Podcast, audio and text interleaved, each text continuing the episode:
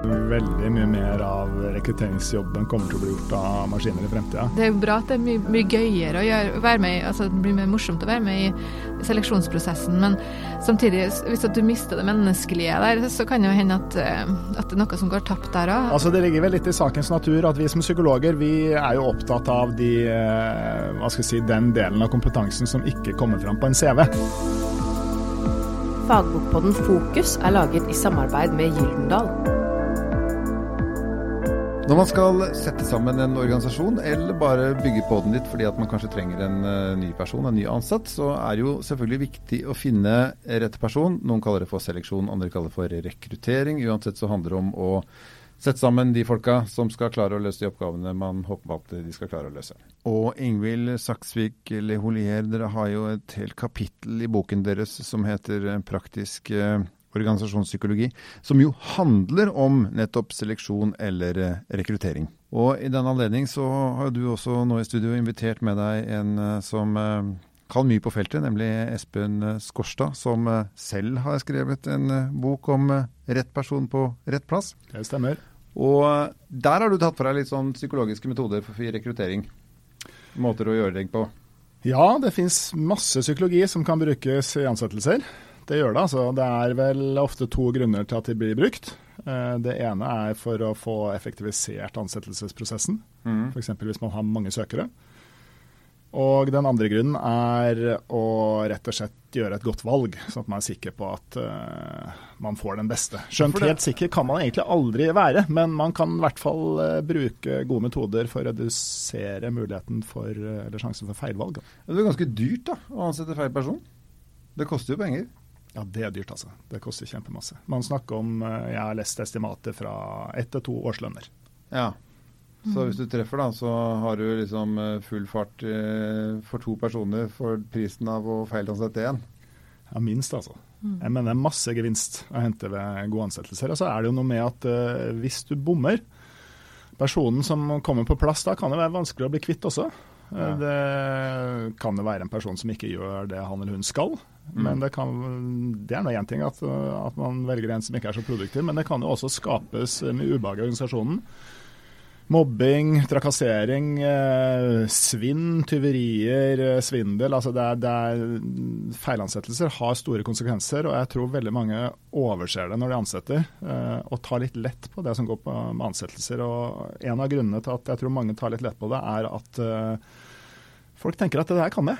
Jeg, liksom, jeg, vet hva som trengs i den jobben, og derfor så kan jeg gjøre det selv. Jeg trenger ikke lene meg på noe metodikk eller hva det måtte være. sånn at i skolevesenet og helsevesenet og mange andre svære virksomheter i landet så ansetter man folk, og heldigvis så går det stort sett bra. Men uh, ofte så gjøres det uten bruk av arbeidspsykologiske metoder. Men uh, er, det må jo være fort å rote seg litt bort i disse metodene òg? Jeg mener, Du er plutselig på et fagfelt du kanskje ikke har sjøl, da. Nå er dere psykologer i studio her, men uh, det er jo de færreste av oss som er psykologer. Ja, Det er derfor det kanskje kan være lurt å, å snakke med en psykolog, eller få hjelp av noen til å gjennomføre denne prosessen. En som nettopp ser på det som et eget fag? Ja, ja. Uh, bruk firma eller uh, ja. På samme måte som du ringer en flislegger når du skal lage nytt bad, så ringer du en psykolog når du skal, skal ansette noen nye folk? Ja, eller, ja, eller en annen Trenger nødvendigvis kanskje ikke å være en psykolog, da, selv om vi mm. to som sitter her er. Men, men som er gode på det feltet. Mm. Eh, så vil noen si at eh, en del av disse metodene så klarer dere å spa opp eh, noen bra av og til, og så skjæres andre ganger, og så er hit-raten omtrent den samme som eh, god gammel magefølelse. altså, det er jo det, det, er, det, er, ikke lett, det faget her. det er ikke noe eksakt vitenskap. En skulle ønske at det var like lett å forutsi hvordan mennesker opptrer i fremtiden som det var å spå å være. Nå hører jeg mange er skeptiske til uh, meteorologer, men, uh, men, det å prøve å si noe om hvordan vi uh, mennesker opptrer i en gitt fremtidig situasjon, det er veldig vanskelig. Mm. og Her kommer det litt kunnskap inn, ikke bare om psykologi egentlig, men også om statistikk og metode. og ikke minst kjennskap til den aktuelle jobben og stillingen som skal besettes. Så jeg tenker en ideell ansettelsesprosess foregår jo gjerne der det er flere involvert. Altså skal ikke jeg gjøre det sånn kjempevoldsomt, men jeg tenker at det må være noen som kjenner til hva den faktiske jobben dreier seg om. Mm. Noen som vet hva det, hva det innebærer å være rørlegger eller journalist eller regnskapsfører eller leder i en gitt virksomhet, og, og, gjerne da som samarbeider hånd i hånd med noen fra HR eller noen som har en spesialistkompetanse på nettopp rekruttering. Men jeg vil jo tro at man skal, eh, hvis man går til verks da med, med, med rekrutteringspsykologi eh, og den type fagfolk da, i, en sånn, i en sånn eh, setting, så gjør man jo det fordi man skal ha tak i en nøkkelperson. Ofte, vil jeg tro, da, for det er kostbart det i seg selv også. Altså, Dette her er jo eh, kanskje en person som det krever mer egenskaper av da, enn en som skal utføre en teknisk jobb, f.eks.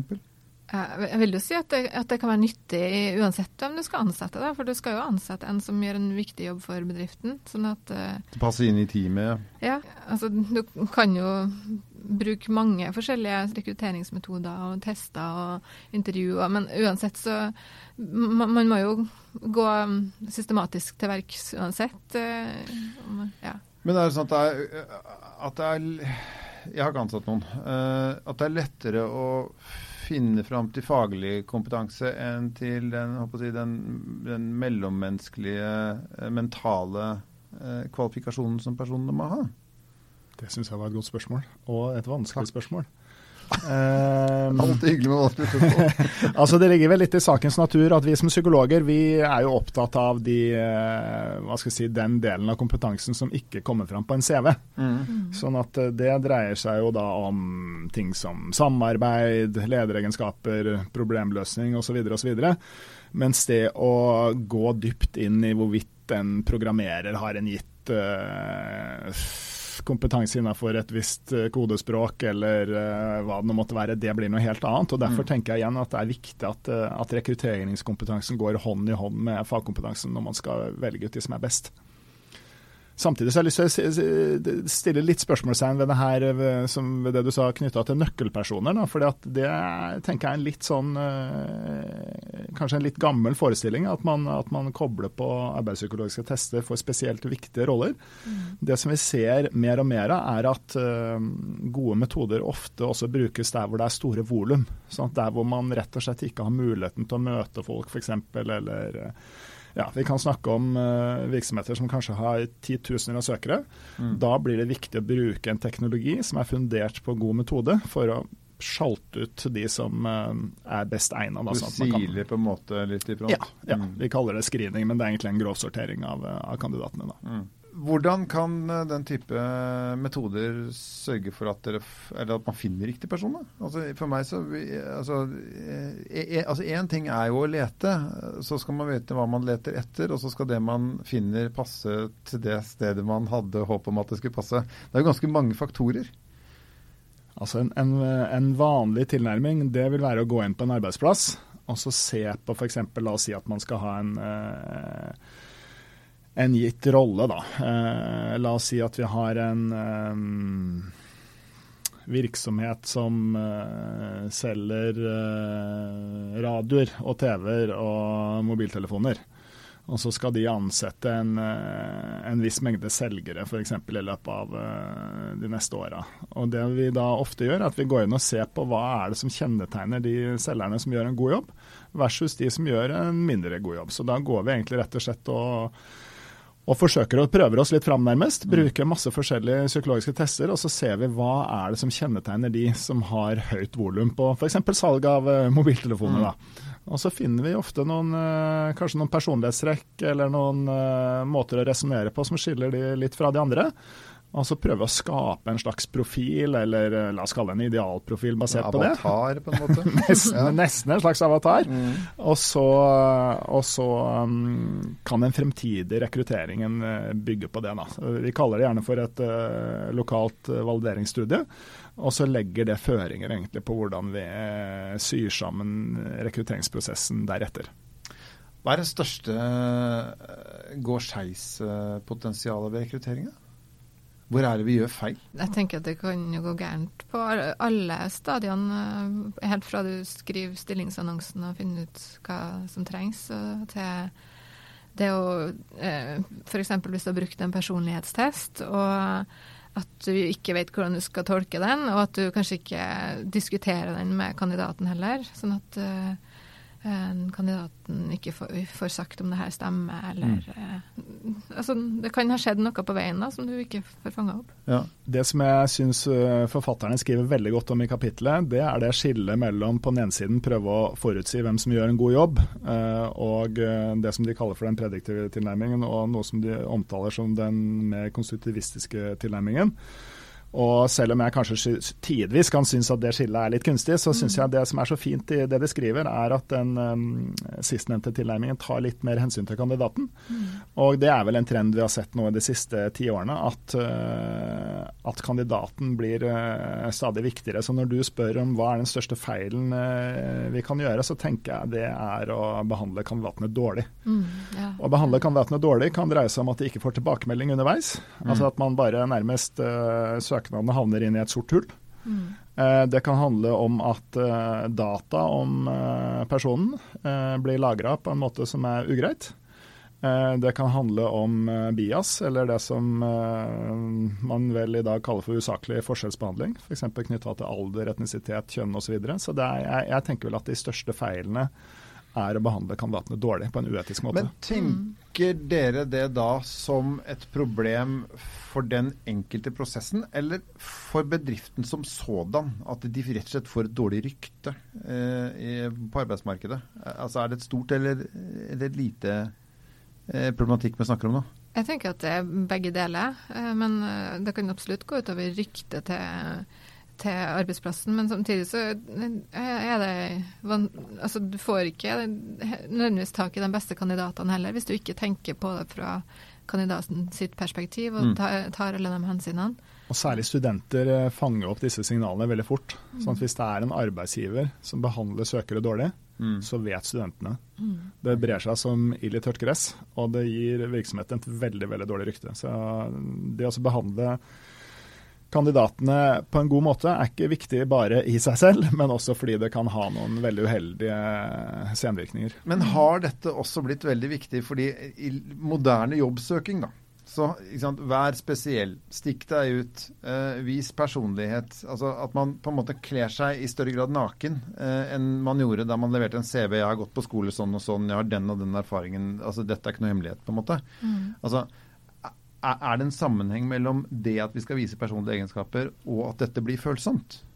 Hvis arbeidsgiveren ikke oppfører seg bra med søknader og data som den har fått inn? Um, I, I og med at vi er mer emosjonelle i vårt møte med, med arbeidslivet. Ja, jeg tenker at både eh, kandidatene og bedriften viser mer av hvem de er. Ja, jeg tror det er mellommenneskelige ting som vises, og som ikke, som ikke er Det er ikke facts and figures, liksom. Det er, det er personlighet som ligger der. Ja, men det er jo mer og mer av jobbene som skal gjøres, og er jo kanskje litt, litt mindre tydelig at det, det er ikke akkurat eh, rett frem hvor, eh, hvordan eh, teknisk man skal finne eh, Eller hvilken jobb, jobb man skal gjøre, da. Du kan ikke bruke en konkret CV lenger liksom, og si at eh, ja, du kan det og det og det, men så er det masse andre egenskaper som du må ha. Det kan hende. Mm. Mm. Det bringer oss egentlig rett inn i da, fremtidig rekruttering. fordi at uh, Man skal ikke være veldig fremsynt for å se at uh, repetitive oppgaver som er lett å måle, som maskiner kan gjøre osv., kommer til å bli færre og færre av. Mm. At egenskaper teller mer og mer. Uh, hvordan ser rekrutteringen ut i fremtiden? Blir det enda mer personlighetstydelig? Jeg tenker at Ingvild er inne på noe veldig veldig viktig her, nemlig det at det har blitt en økt bevissthet rundt uh, den personlige kompetansen, og at vi trenger noe mer enn det som kommer til uttrykk uh, på en CV. Nå er det jo en floskel at uh, arbeidslivet endrer seg så veldig, men uh, Det det, er, det. det er jo faktisk sånn også. Sånn at uh, det stilles stadig vekk nyere krav til, til hva slags kompetanse vi trenger. Og det å se etter personer som på en måte har de egenskapene, som også vil kunne være endringsvillige og i stand til å endre seg, tror jeg nok blir viktig. Og så ser vi vel også en trend til når det gjelder bruk av disse metodene, at det brukes ikke bare i seleksjon og rekruttering, men også på eksisterende ansatte når organisasjoner skal omorganisere, f.eks. Ja, for er ikke det mye likhetstrekk mellom å ansette en ny person og det å omorganisere? At du kanskje må ha en person du har som er vant til å gjøre noe annet, og så må du finne den personen som kan da tilpasses nye oppgaver? Mm. Ja. Det er jo litt som en ny ansettelse, bare internt. Det er jo det, hvis vi ser f.eks. på bank og finans, da, altså hvor man, eller ta Posten kanskje med nærliggende eksempel, hvor det for ikke mange år siden var massevis av filialer eh, rundt omkring. Og da sitter det mennesker som ikke skal sitte i skranken i en eh, bank lenger, og da ønsker man seg jo at de eh, får en annen jobb innenfor det eksisterende systemet. Og da kan man se på hva er det som skal til for å gå fra den type jobb til en annen type jobb, f.eks. Og der tror jeg nok vi kommer til å se veldig eh, mye mer bruk av den metodikken vi her snakker om i framtida. Altså Ordet endringsvillighet skrem, skrem, virker skremmende på veldig mange. Mm. Uh, og det er jo ikke så rart. For man kan etter gammel struktur skal man tenke at ja, hvorfor skal man ansette en som er villig til endringer? Du vet jo hvorfor du ansetter og hva den personen skal gjøre. Mm. Sånn ser det ikke ut lenger. Nei. Altså En person må være dynamisk på en helt annen måte. Mm. Uh, hvordan finner man ut hvem det er som er på en måte villig til det. Vi har den jo gjerne til når vi blir eldre òg. Vanene blir tøffere med oss. Vi, vi, ja, vi, styrk, vi, stivner litt, da. Ikke bare i muskulatur, men også litt i huet, kanskje. Mm. Det det finnes jo egne tester som tester personlighetstrekk eh, som endringsvillighet. Man kan jo bruke mye tester og teknologi for å finne rett person, men det er jo mye man, man må få frem med å snakke med personene og um, få dem til å beskrive eh, hvordan de vanligvis er i settinga. og ja, uh, så rekruttering kommer ikke til å bli datamaskinjobb etter hvert? Eh, ja, det også? Eller? Nei, jeg vet ikke om du er enig i det, Espen. Men, det hørtes i hvert fall ut som, grov, som grovsilingen var noe man kunne gjøre digitalt. da. Ja, jeg tror nok at uh, veldig mye mer av rekrutteringsjobben kommer til å bli gjort av maskiner i fremtida. Mm. Og uh, det er jo sånn at intervjuer i dag uh, gjøres i større grad av maskiner enn en mennesker, faktisk. Så det skjer veldig, veldig mye interessant eh, knytta til eh, gamification, altså hvor ting ser eh, nærmest ut som spill da, for å skape engasjement hos jobbsøkeren. For, for, å ikke gjøre den prosessen så skrekkelig kjedelig som mange syns det er. Mm. Det fins eksempler på kunstig intelligens eh, knytta til eh, jobbintervjuer. Eh, blockchain eh, blir brukt mer og mer. Men tror vi egentlig på dette i forhold til det menneskelige settet? Av reseptorer og kommunikasjon i ansiktsuttrykk og alt som vi mennesker er utstyrt med, for det er ikke lite, altså. Tror vi virkelig at vi skal gjøre noe annet enn å spare tid med den teknologien? Nå er det veldig synd at dette er podkast, for da kan ikke lytterne se at jeg klør meg veldig bak i nakken her når du stiller det ledende og vanskelige spørsmålet. Men uh, det vi vet er jo at maskinen plukker opp mer enn det vi mennesker klarer å gjøre. Altså den uh, nye maskiner og skjermer får med seg veldig veldig mye informasjon som vi sliter med å få med oss. Samtidig så får vi mennesker med oss mye informasjon som maskinen ikke klarer. Så hybriden? Ja, kanskje, kanskje det, du. Kanskje en hybrid. Men samtidig også er det jo um, Hvis vi tenker igjen på det kandidatperspektivet, da. Uh, så, Det er jo bra at det er mye, mye gøyere å gjøre, være med i, altså det blir mer morsomt å være med i seleksjonsprosessen. Men samtidig, hvis du mister det menneskelige der, så kan det jo hende at, uh, at, det er noe som går tapt der òg. Ja, ikke sant. Man, man skal fra maskinens verden og inn til folket, faktisk. Ja. Og jobbe sammen med de. Ja. Mm. Jeg tror det der er veldig, veldig godt poeng, det som Ingvild tar opp der. Eh, sannsynligvis, eller helt sikkert, så er det store generasjonsforskjeller der. Sånn mm. at eh, mine foreldre eh, vil synes det ville vært ganske ukomfortabelt, tror jeg. Fått, uh, fått uh, intervjuet presentert på iPhonen sin på mm. trikken mm. på vei til jobben. Mm. Mens uh, datteren min på 11 tror jeg syns det ville vært mer naturlig mm. enn å mm. bli sittet i et rom og bli intervjuet av ja. en person som har vært i organisasjonen lenge. For det mennesker veldig ofte sier, er at det jobbintervjuet det er veldig kunstig. Ja, mm. ja det er sant. Mm. Hvis du går ut på Karl Johan her, så vil du se at uh, det er masse folk som traver opp og ned gata, som snakker inn i mm. telefonen sin med noen der ute, og som finner den settingen ganske, ganske normal. Ja. Sånn helt avslutningsvis, som alle arbeidsgivere lurer på. Hvordan skal man sørge for at man er den arbeidsplassen de beste folka vil jobbe for?